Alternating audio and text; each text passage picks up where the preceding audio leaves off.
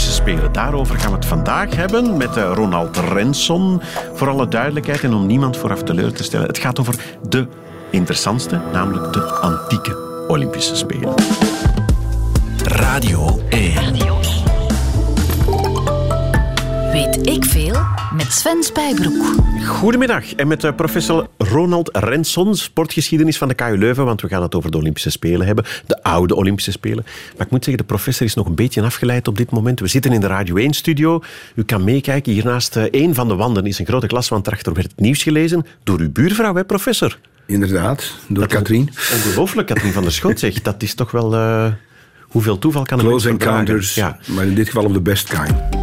Radio 1. Weet ik veel? Professor Renson, de oude Olympische Spelen, dat is antiek Griekenland. Wanneer zijn we dan? Wanneer is die begonnen? Officieel opgetekend vanaf 776 voor Christus. Dat is mijn taalgebruik. Als ik soms bezoekers krijg van een andere universiteit, moet ik zeggen voor onze tijdrekening, maar ik ben nog traditioneel. Dus u, u, zo zeggen ze dat aan de Universiteit Antwerpen. Ja, 767, dat is oud, man. Dat is echt heel oud. Ja, ze waren zelfs uh, ouder, maar vanaf dan zijn ze systematisch opgetekend. Ja. En grepen plaats om de vijf jaar, zeggen de oude Grieken, want zij telden inclusief. Wij zeggen om de vier jaar. Dus, uh, ah ja, zoals in het Frans dan 15 jours zeggen als ze binnen 14 dagen bedoelen. Ja, inderdaad. Ja. En, en, en, die zijn doorgegaan van, 600, van 776 voor Christus tot 393 na Christus. Dat is dus meer dan duizend, duizend jaar. jaar. Ja. ja. En waar was het allemaal te doen? In Olympia, een vrij desolaat gebied. Uh, in de landstreek van Elis. Uh, Elis was zo wat de dichtstbijgelegen stad en van daaruit vertrok men ook in stoet naar Olympia. En de eerste... Ik probeer het mij voor te stellen. Hè. Mijn, mijn, mijn, mijn Grieks is niet zo goed, zeker in de lesaardrijkskunde niet. Ergens in Griekenland afgelegen, ongeveer bestaat het nog? Kan je het nog bezoeken? Uh, uiteraard, is een prachtige site. Is nu ook uh, officieel erkend door UNESCO. Als dus... Uh, werelderfgoed, ongetwijfeld. Werelderfgoed. Ja. Uh, ontdekt, en dat is pas vrij laat, terug ontdekt zou ik zeggen, in 1766 door een amateur-archeoloog, een uh, Brit, zeker Richard Chandler. En het zijn dan vooral Duitse archeologen die een monopolie gehad hebben in de opgravingen. En die zijn daar systematisch aan begonnen onder leiding van Ernst Curtius. Uh, vanaf 1875. Ja, en wat hebben ze dan opgegraven? Een soort groot Wel, vooral het heiligdom. Vooral het heiligdom. Het heiligdom? Uh, de Olympische Spelen waren heilige spelen. Ter ere van Zeus. En de andere tempels ook, van zijn echtgenote Hera, ook Pelops en Hippodameia. Ah, Oké, okay. Dat is de Griekse oppergod, hè? De Griekse dus er oppergod. stond een uh, tempel. Prachtige tempel, een van de wereldwonderen met een enorm standbeeld van Zeus. En natuurlijk is men daarmee begonnen, de materiële resten, want uh, het stadion was eigenlijk maar een, zand, een lange zandpiste. Hè? Ah ja. Dat is niet dus zoals wij dat een amfitheater ons nu voorstellen met uh, oorspronkelijk, grotere marmeren blokken en trappen. Oorspronkelijk en... was dit in het natuurlijk landschap een lange strook van uh, een 200 meter, juiste afstand 192. En ik denk 0,27, maar laat ons het op 192 houden. Uh, en men zat of men stond op de Kronosheuvel. Dat was een natuurlijke heuvel die dus diende als soort tribune. Ah, okay. En aan de overzijde heeft men dan een kunstmatige heuvel gemaakt, ook als zitplaatsen. Ja, en dus dat is ergens ver weg op de buiten, als ik u goed begrijp. Ze hebben Inderdaad. daar een tempel neergezet, ze hebben daar wat van die hellingen en een looppiste. Inderdaad, en wordt... want dat trok heel veel volk aan. Maar dat was ergens dan uh, een weekend doorbrengen.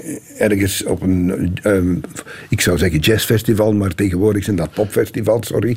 Ik ben nog van de generatie van Comblain-Latour. Oké. Okay. Uh, en men moest daar echt onder de zon kamperen, behalve de heel rijke bezoekers.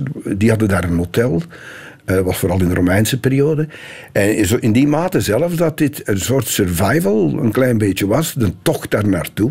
Dat alleen al was je Dat alleen al. En dus in die mate zelfs dat een, een baas tegen zijn slaaf zei: Manneke, pas op, want anders neem ik u mee naar Olympia. Hè. Dat was een straf. Dat was bijna ja, een survival. Ja, het klinkt een beetje als de eerste Woodstock of zo Burning Man tegenwoordig. Je gaat gewoon, je trekt de woestijn in. Voilà, men sliep in open lucht meestal, behalve dus de rijkaards. Ja, oké. En dan waren er de atleten natuurlijk. Er werd Dan waren de atleten en het is eigenlijk allemaal begonnen met een gewone 200 meter eh, loopwedstrijd. Ja, 192 eh, meter.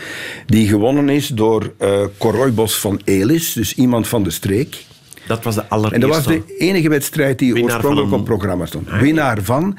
En de periode van vier jaar die volgde, hè, na de overwinnaar, noemde men dan ook de Olympiade van Coroibos.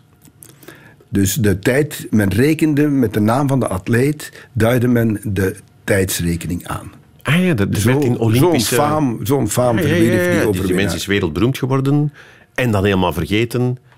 wereldberoemd binnen de Griekse cultuur. Want het waren exclusieve spelen voor alleen maar echte autochtone Grieken. Ah ja, eigen volk. Eigen Sport. volk. Eh, En dat Ja. moest men ook in de Olympische eed afleggen tijdens de eerste dag. Ik beloof plechtig dat ik een echte Griek ben. En bovendien voor welke stad men uitkwam. Want het was een wedstrijd tussen Griekse steden. Oh, nu begint het echt op spel zonder grenzen te gelijken. Ja, en daar werd soms dan wel wat mee gesjoemeld. Dat een stad een goede atleet probeerde eh, om te kopen of af te kopen. Eh, en daar werden ook straffen voor uitgedeeld. Ah ja, ja, zoals met naturalisaties van voetballers ook en zo. Dat idee. Ja, maar dan frauduleus. Goed, inderdaad. en wat, wat was de straf als je betrapt werd? Als je zei dat je van Athene was en je kwam eigenlijk van Theben of god weet waar? Dat was eigenlijk een mooie artistieke straf, want dan moest je een zanes, een strafbeeld laten maken in brons. En dat werd daar opgericht, zodat de andere atleten die het stadion betraden, daar langskwamen en dan langs die zanes, die beelden passeerden en eraan herinnerd werden dat ze geacht werden de regels strikt te respecteren. Een, een beeld, de fraudeur moest een beeld van zichzelf laten Nee, maken. een bronzen beeld, maar dat, dat kon van zijn, meestal zijn specialiteit zijn. Ah ja, ja. En dan wist je, aan het aantal beelden kon je zien hoe, hoe vaak er vals gespeeld Inderdaad. was. En die beelden zijn er niet meer, maar de sokkels die zijn er nog. Ja, het is toch iets. Radio 1. Weet ik veel? Ik heb het eh, met professor Renson, Roland Renson. Ik vind Roland een moeilijke naam. Ik ga de hele dag moeten denken, niet Ronald, maar Roland zeggen. Correct. Ik ga gewoon professor zeggen. Professor Renson, we hebben het over de Olympische Spelen vandaag. De antieke Olympische Spelen. Ehm, die zijn wereldberoemd nog altijd, ook omdat er een moderne variant van bestaat. Maar het waren niet de enige dat soort spelen in het oude Griekenland, hè? Inderdaad niet. De Olympische Spelen maakten deel uit van de periodos, de vier heilige spelen. En dus we hebben Olympia, ter ere van Zeus. Maar daarnaast hadden we eh, de spelen, de Pythische spelen. Eh, in Delphi, prachtig stadion aan de voet van het Parnassosgebergte. Ja, als u, wacht, u, u moet er altijd bij zeggen, als u iets vertelt, was het toen prachtig en nu een hoop oude stenen? of is het nog altijd prachtig? Parnassos is eigenlijk een van de mooiste plekjes ter wereld. Dus het, het Parnassosgebergte met het Pitti-stadion Ja. van de Spelen van Delphi. Dus in Delphi. En die waren eh ter ere van de god Apollon. Oorspronkelijk enkel muzische wedstrijden, maar muzisch betekent alles wat met kunst te maken heeft. Voordrachtkunst, muziek uiteraard ook. Dus ook daar trokken ze de bergen in om dan te gaan muziek maken en, en voordragen en dat soort dingen. Kon je ook Daar was- medailles mee winnen? Daar kon je ook medailles mee winnen. Sorry, geen medailles. Ah, ah ja, nee, nee, Kransen. nee, nee, Het waren de kransspelen. Ja, ja, ja, ja. Eh, in, inderdaad, in Delphi een lauwerenkrans. Dat wil zeggen van laurierboom. Ja. In Olympia was dat een olijfkrans van de heilige olijfboom. Oké. En op andere plaatsen waren dat dan weer als selderijkransen. En dan zitten we al in de groenteteelt. Win zoiets. Eh, ja. En, wa- wa- en en- wat was de vierde? De derde was Nemea. Ja. Nemea, waar dus de Nemeïsche spelen ter reden van Zeus weer. En daar kreeg men dus een selderijkans. Oké. En dan Korinthe, de fameuze spelen van Korinthe, waar Paulus ooit zijn brief aan de Corinthiërs heeft geschreven, waar hij zegt, ze lopen allemaal in het stadion, maar slechts ene wint de prijs. Hm? Ja. En daar gingen de Isthmische Spelen door ter ere van Poseidon. Dat is aan de landengte.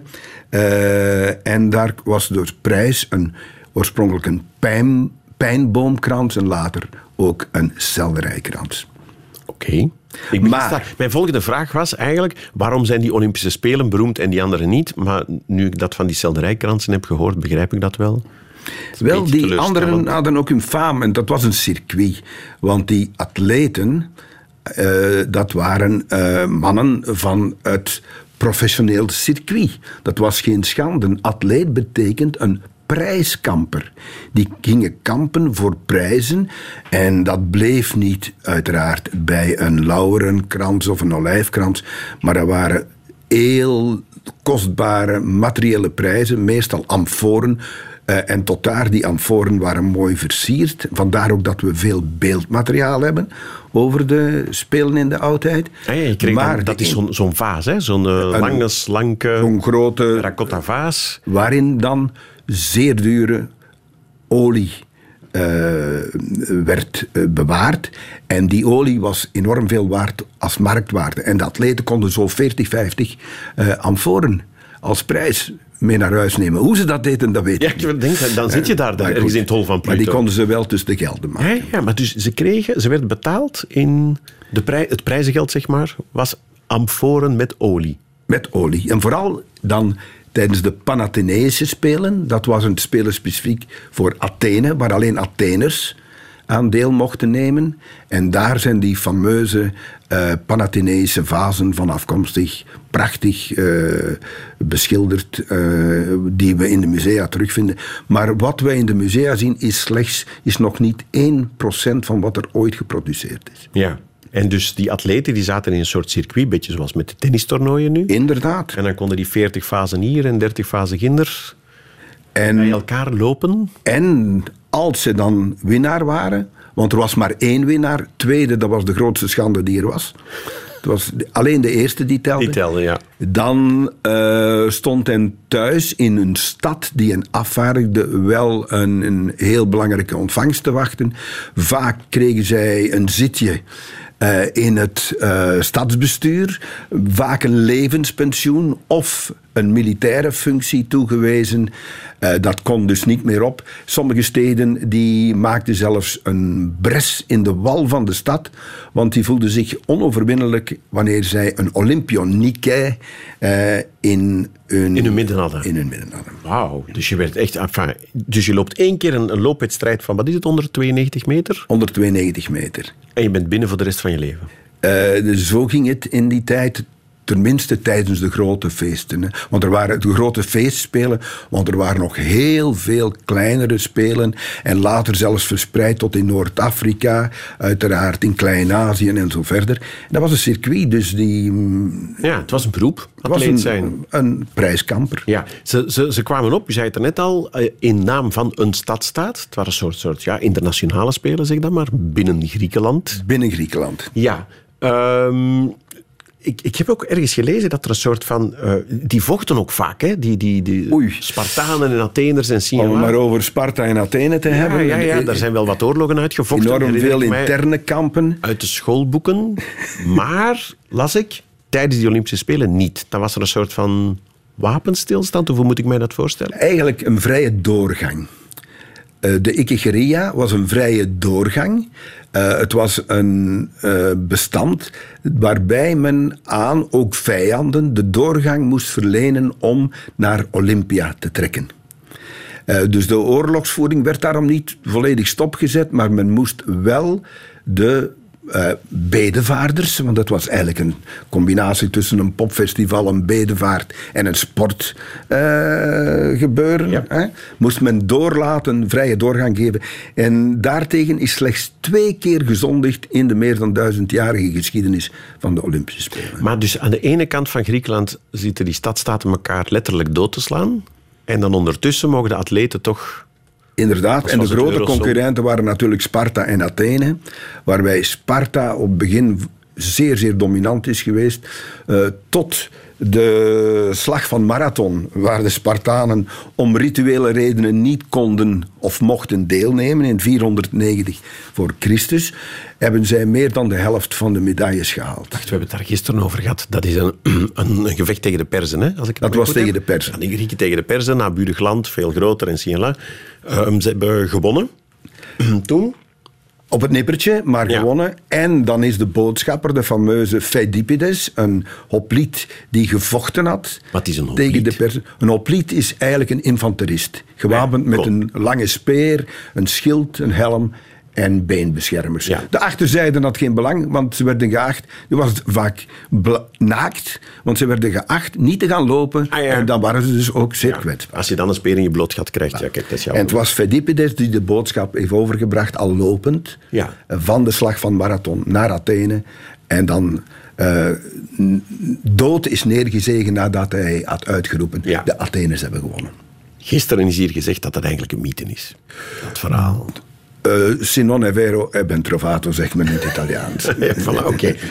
Goed, maar da- daar komt de marathon wel vandaan. Het idee van, daarom heet de moderne marathon marathon ook. Maar de marathon heeft nooit bestaan in de oudheid. Dus, hè. Dat was mijn volgende Dat is een heruitvinding eh, die dan eh, ingevoerd is bij de moderne Olympische De Spelen. Grieken waren nooit zo gek om zo ver te lopen. Oh, dat eh, kon wel, want eh, die waren zeer getraind. Eh, de op, oplieten die werden vandaar ook dat bijvoorbeeld op het programma ook de vertesprong stond. En die vertesprong, De vertesprong. Is de dat, halma of de vertesprong, is dat gewoon verspringen? dat is niet gewoon verspringen, maar dat is een heel verhaal. Ik heb daar trouwens heel wat onderzoek recent over gedaan. Toch Ah ja, zullen we het dan zo meteen... Daar kunnen we het over hebben. Maar die vertesprong gebeurde met halteres. En dat was een symbool van het schild. Men moest kunnen Wat zijn, wat springen. zijn halteres? Wat wij halters noemen. Ah, ja. Je mocht jezelf mee lanceren. Je had ge- extra gewicht. En dan vlieg je natuurlijk verder. Dat is een ander verhaal. Ja? Maar het diende als een soort ersatz voor het schild. Hetgeen er naar, wees, naar verwees dat men ook met wapenuitrusting moest kunnen springen. Ja. Het is grappig dat je over die hoplieden begon. Ik had het eigenlijk moeten weten, want eh, ik heb eens een lijstje opgezocht op Wikipedia van alle sporten die ze daar gedaan hebben. En er stond hoplietenrace tussen. Wat is dat, een hoplietenrace? De hoplietenrace was dus een wedstrijd, een diaulos, dubbele stadionlengte.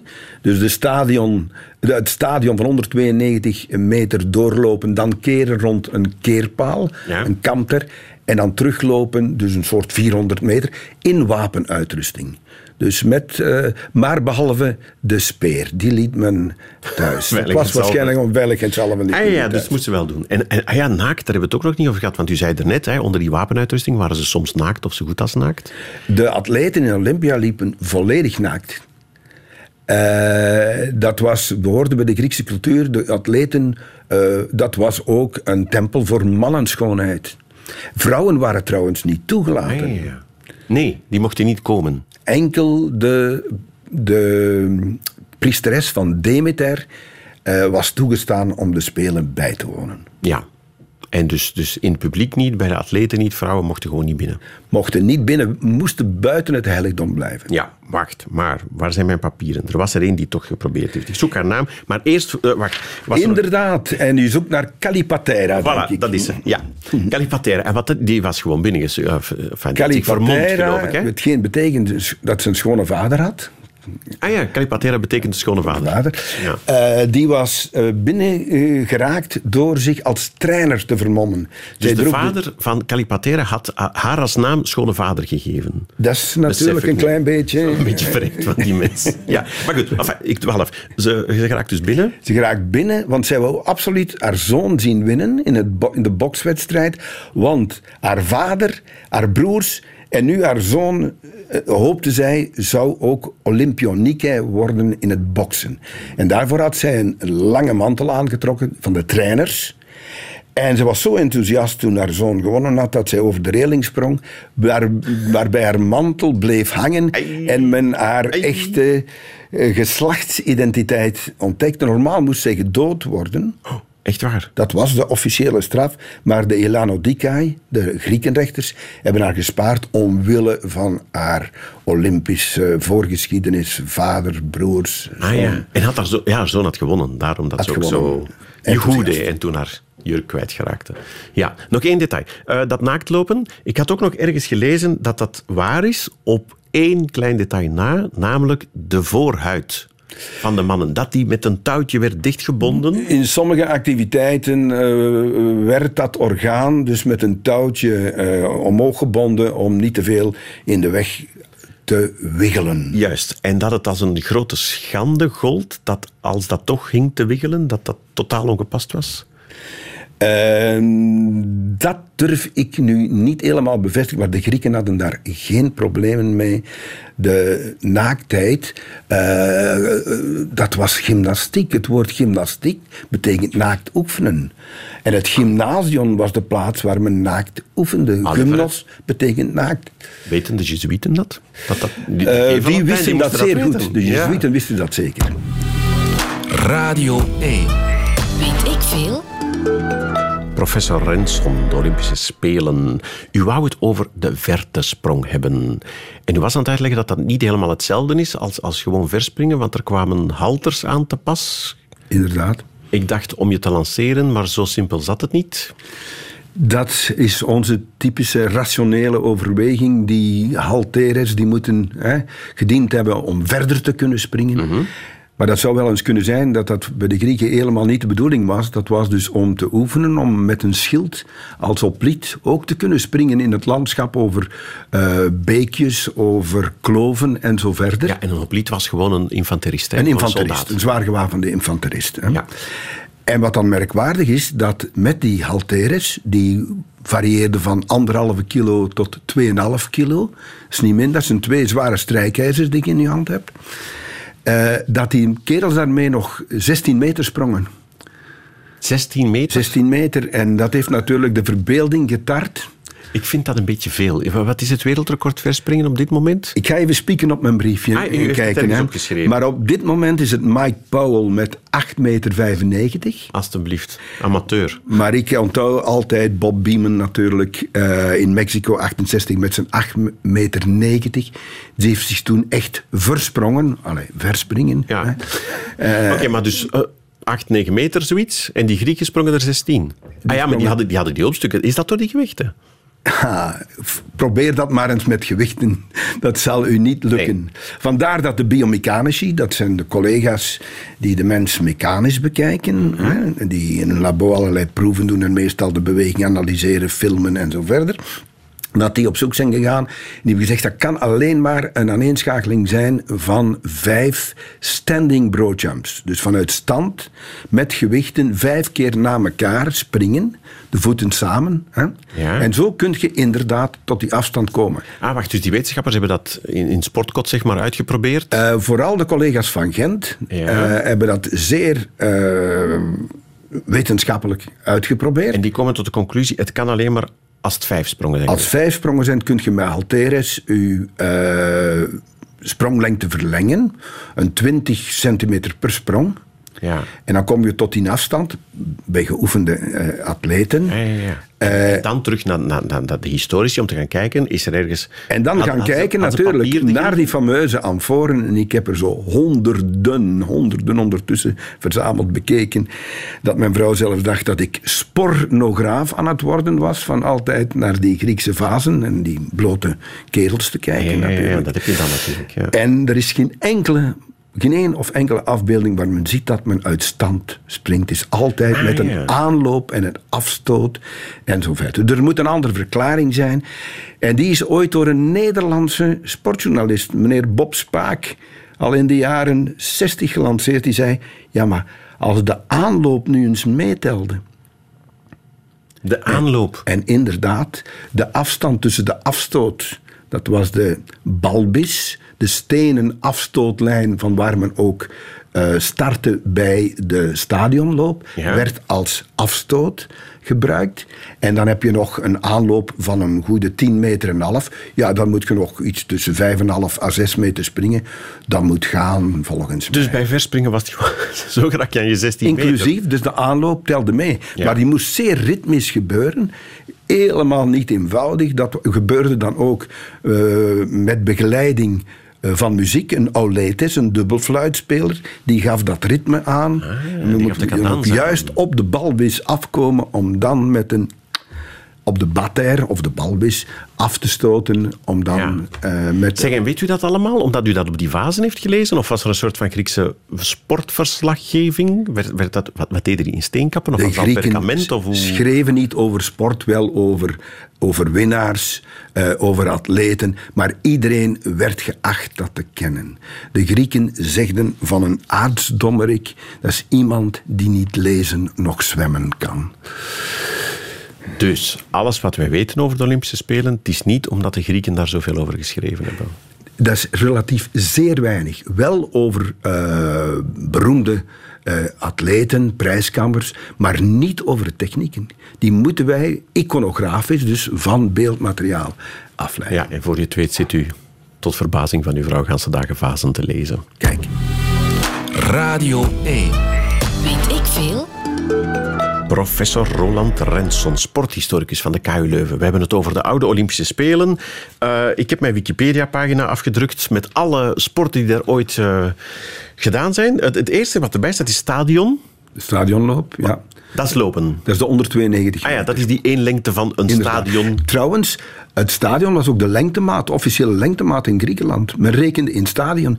Er werden die dag door het leger zoveel stadion afgelegd. Echt? Wauw. Oké. Diaulos, wat is dat? Dat is de dubbele stadionloop, dus heen en terug. Ah ja, oké. Gemakkelijk. Eh Dolichos. Dat is een soort 5000 meter, 24 lengte. Men dus keerde rond een keerpaal en men liep heen en weer. Eh, dus van de ene zijde van het stadion naar de andere. Oké. En was dat het zotste wat ze hadden? Want de marathon bestond nog niet, zei je daarnet. De hè? marathon is een moderne uitvinding. eh, Ja, max 5000. Dus 24 lengtes. ja.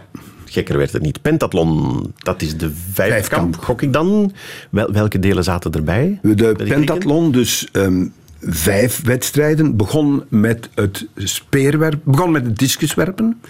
Ah, Dan, ik, heb, ik, heb gis- ik was gisteren op café en ik eh, was aan het vertellen over het gaat morgen over de Olympische Spelen. En iemand zei, zo'n discus dat was van steen. Ja. En dat woog, wat is het, 2,5 tussen de 4 kilo.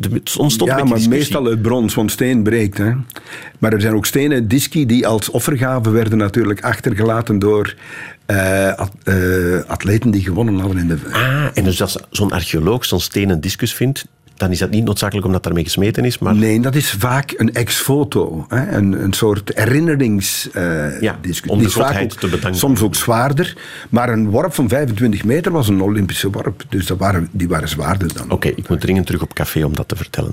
Goed, waar waren we? Dus discuswerpen hadden we? Discuswerpen, dan komt het verspringen Mhm. met de halteres. Dan komt eh, het speerwerpen. Ja. Eh, en dan de, de drommels of de stadionloop. Oké, ja. En eh, het worstelen. Maar als iemand al drie van de proeven gewonnen had, dan moest hij niet meer worstelen. En dan kon hij eh a conti, zoals men dat noemde, eh, zonder bestoft te zijn, de pentathlon winnen. Want worstelen was in het stof treden, gaan worstelen in het scamma, in dus het eh Ah, zandperk. Ah ja, en als je er al drie had gewonnen, heb je er drie van de vijf. Dan ben je sowieso de winnaar. Dan hoef je je handen niet meer vuil te maken. Inderdaad. Oké, en de rest eh, stopten ze dan ook gewoon na drie? Want daarnet zei u alleen de winnaar telde. Hè? Er was geen tweede. Eh, Inderdaad, als de drie eerste proeven gewonnen waren door dezelfde atleet, dan was de pentathlon afgelopen. Ja, dus dat idee van, van zilver en brons, dat was voor mietjes. Dat is een late uitvinding. Ja, oké. Worstelen dus. Eh, boksen. Dus, bij, maar worstelen was papier. ook een aparte specialiteit. Niet alleen een stuk van de, een van de vijf nummers van de pentathlon, Ja. maar was ook een aparte discipline. Oké. De worstelaars die worstelden naakt, ingeolied, maar besmeerd met olie, met, met, met zand. Eh, en dat was een heel speciale techniek. Natuurlijk, als je in, in, in Olympia in augustus in de zon ingeolied gaat staan, Ja. eh, in de volle middag. Wordt- Dan word je gebakken. Dan word je gebakken. Vandaar dat men zand bestrooide op het lichaam. En er was een speciale techniek van welk zand men moest gebruiken. Ja, en dan krijg je een soort schuurpapieren gevecht. Inderdaad. Oké. Eh, boksen werd er ook gedaan? Boksen, en dat was eh, geen klein zeer. Want men bokste met imantes, met lederen riemen rond de hand. En dat was vooral om de vuisten te beschermen. Ja, dat is zo met bokshandschoenen ook. Met bokshandschoenen Ja. ook. Je denkt dat dat is om de tegenstander te beschermen, maar dat is niet zo. Wij hebben drie jaar gebokst nog in Sportkot met stafrot. Maar dat waren met heel... met eh wollen gevulde handschoenen. Maar die riemen kwamen hard aan. En bovendien, om nog wat meer fors de frap te geven... werden daar soms nog bronzen knoppen opgezet. Dus dat was een vrij beestachtige sport. En dat mocht. En men werd niet geacht om te ontwijken of om achteruit te wijken. Men bokste dus staande. Er was elkaar zoveel mogelijk klappen uitdelen. Of eigenlijk zoveel mogelijk incasseren en te overleven tot een van beiden opgaf. Staande, wil dat zeggen dat je niet mocht rondspringen? Of, Nee. Je Nee. moest gewoon tegenover elkaar staan? Elkaar en meppen En uitdelen. meppen. Is dat om beurten dan? Of, eh, of, of nee, zoveel je wil. Oké, Zoveel je kunt raken natuurlijk. hè. en zo'n wedstrijd duurde dan 10 seconden. En Dat kon ook langer duren, uiteraard. En soms was er geen uitslag en dan mochten ze één voor één elkaar een opdonder geven tot eh, een van beiden, als hij niet doodgeslagen werd, hetgeen natuurlijk is gebeurd, ja. eh, dan kon hij opgeven door een vinger in de lucht te steken. Als hij doodgeslagen werd, kon hij opgeven door een vinger. Eh, er is een wedstrijd geweest, waar, maar dat was dan in het volgende nummer, eh, in een- de Pancration, waarbij een dode atleet tot winnaar werd uitgeroepen. Pancration. Bij Pancration. Wat Daar mocht dat? alles. Dat was een combinatie van worstelen, boksen, maar zonder die fameuze lederen eh, vuistriemen. Dus twee blote mannen tegenover elkaar. En alles was toegestaan. Alles toegestaan. Ja. Trekken, sleuren. Trekken, sleuren, ogen uitsteken, Bij- bijten. Eh, dat Ja. was eh, verschrikkelijk in onze ogen nu bijna eh, onmenselijk. Dat is een soort cagefighting, maar dan nog veel erger. À la lettre. Ja, en, en, en er vielen doden bij. Maar dan, Eh, was je dus de winnaar. Als je, Op een als je- als bepaald je moment was een van de pancratiasten zijn tegenstrever aan het wurgen. En die man Dat mocht ook. wist dat hij ja, eraan was. En die heeft nog kunnen de tenen vastgrijpen van eh, zijn wurger. En zijn tenen gebroken, waardoor de andere zijn wurggreep loste. Maar ondertussen was het slachtoffer overleden. En toch is die eh, atleet, die Pancratias, dan uitgeroepen als overwinnaar. Dat is eh, een van die fameuze, de- van die fameuze resultaten van een militaristische opvoeding. die vooral bij de Spartanen ongelooflijk verging. Dus die, die mannen gaan op den buiten in een stadion in de zomer ter ere van de god Zeus een beetje kijken naar twee mannen die elkaar doodslaan. Inderdaad. Rare jongens, die Grieken. Weet ik Ik veel. was met mijn lijstje nog niet helemaal klaar van die rare Olympische sporten. Paardenrennen mocht ook. Met renwagens, vier spannen. En eh, ook eh, jockeys die te paard reden. Eh, de, de, de paardenren ging over grote afstanden. eh, maar de ren voor ruiters zonder zadel, dat was ge- gewoonweg een 800 meter. Ja, u zei er net, dat was een wedstrijd die vrouwen konden winnen. Maar helemaal in het begin had u gezegd dat vrouwen niet mochten meedoen. Dat was de enige middel om een, in een Olympische eh, prijs te halen. Dat was een paardenspan eh, te laten deelnemen onder de naam van, dus in dit geval een zeer rijke dame, de dochter of echtgenote van een zeer rijke. Die was een eigenaar van de stal. En, was en een eigenaar van de stal. De menner werd niet genoemd. jockey was er niet bij, nee. Ah, het was nog een vraag van de luisteraar, heel kort. Hoef, nog een half minuut. Werd er vals gespeeld, af en toe? Vandaar de Zanes, daar heb ik het over gehad. Maar dat was dan meestal dat men dus atleten eh, van stad eh, veranderde, opkocht. Dus maar met niet doping en zo, deden ze dat? Het oude Oh, doping. De zware atleten die aten eh, kilo's en kilo's vlees. En om dat te kunnen verorberen gingen ze daarna even met de vinger eh, in de keel aan de kant staan. En dan gingen ze verder vlees verorberen. eh, om zogezegd spieren eh, te Heerlijk. verwerven. De 200 meter boulimie, zo dat idee. Ja. Geweldig, razend interessant. interessant. Ah ja, ja, en de Olympische vlam moesten we ook nog doen, hè? Olympische vlam werd ontstoken tijdens de eerste dag. En dan werden ook 50 ossen gebarbecued. Wat een, wat een verhaal toch. Professor Renson, dank je wel daarvoor. Met plezier. Radio 1. Weet ik veel? Dit was eh, de podcast van Weet ik Veel over de Olympische Spelen. De antieke Olympische Spelen. We hebben nog veel meer podcasts bij Radio 1. Zeker eens uitchecken. Eh, zeg je dat zo? Check it out.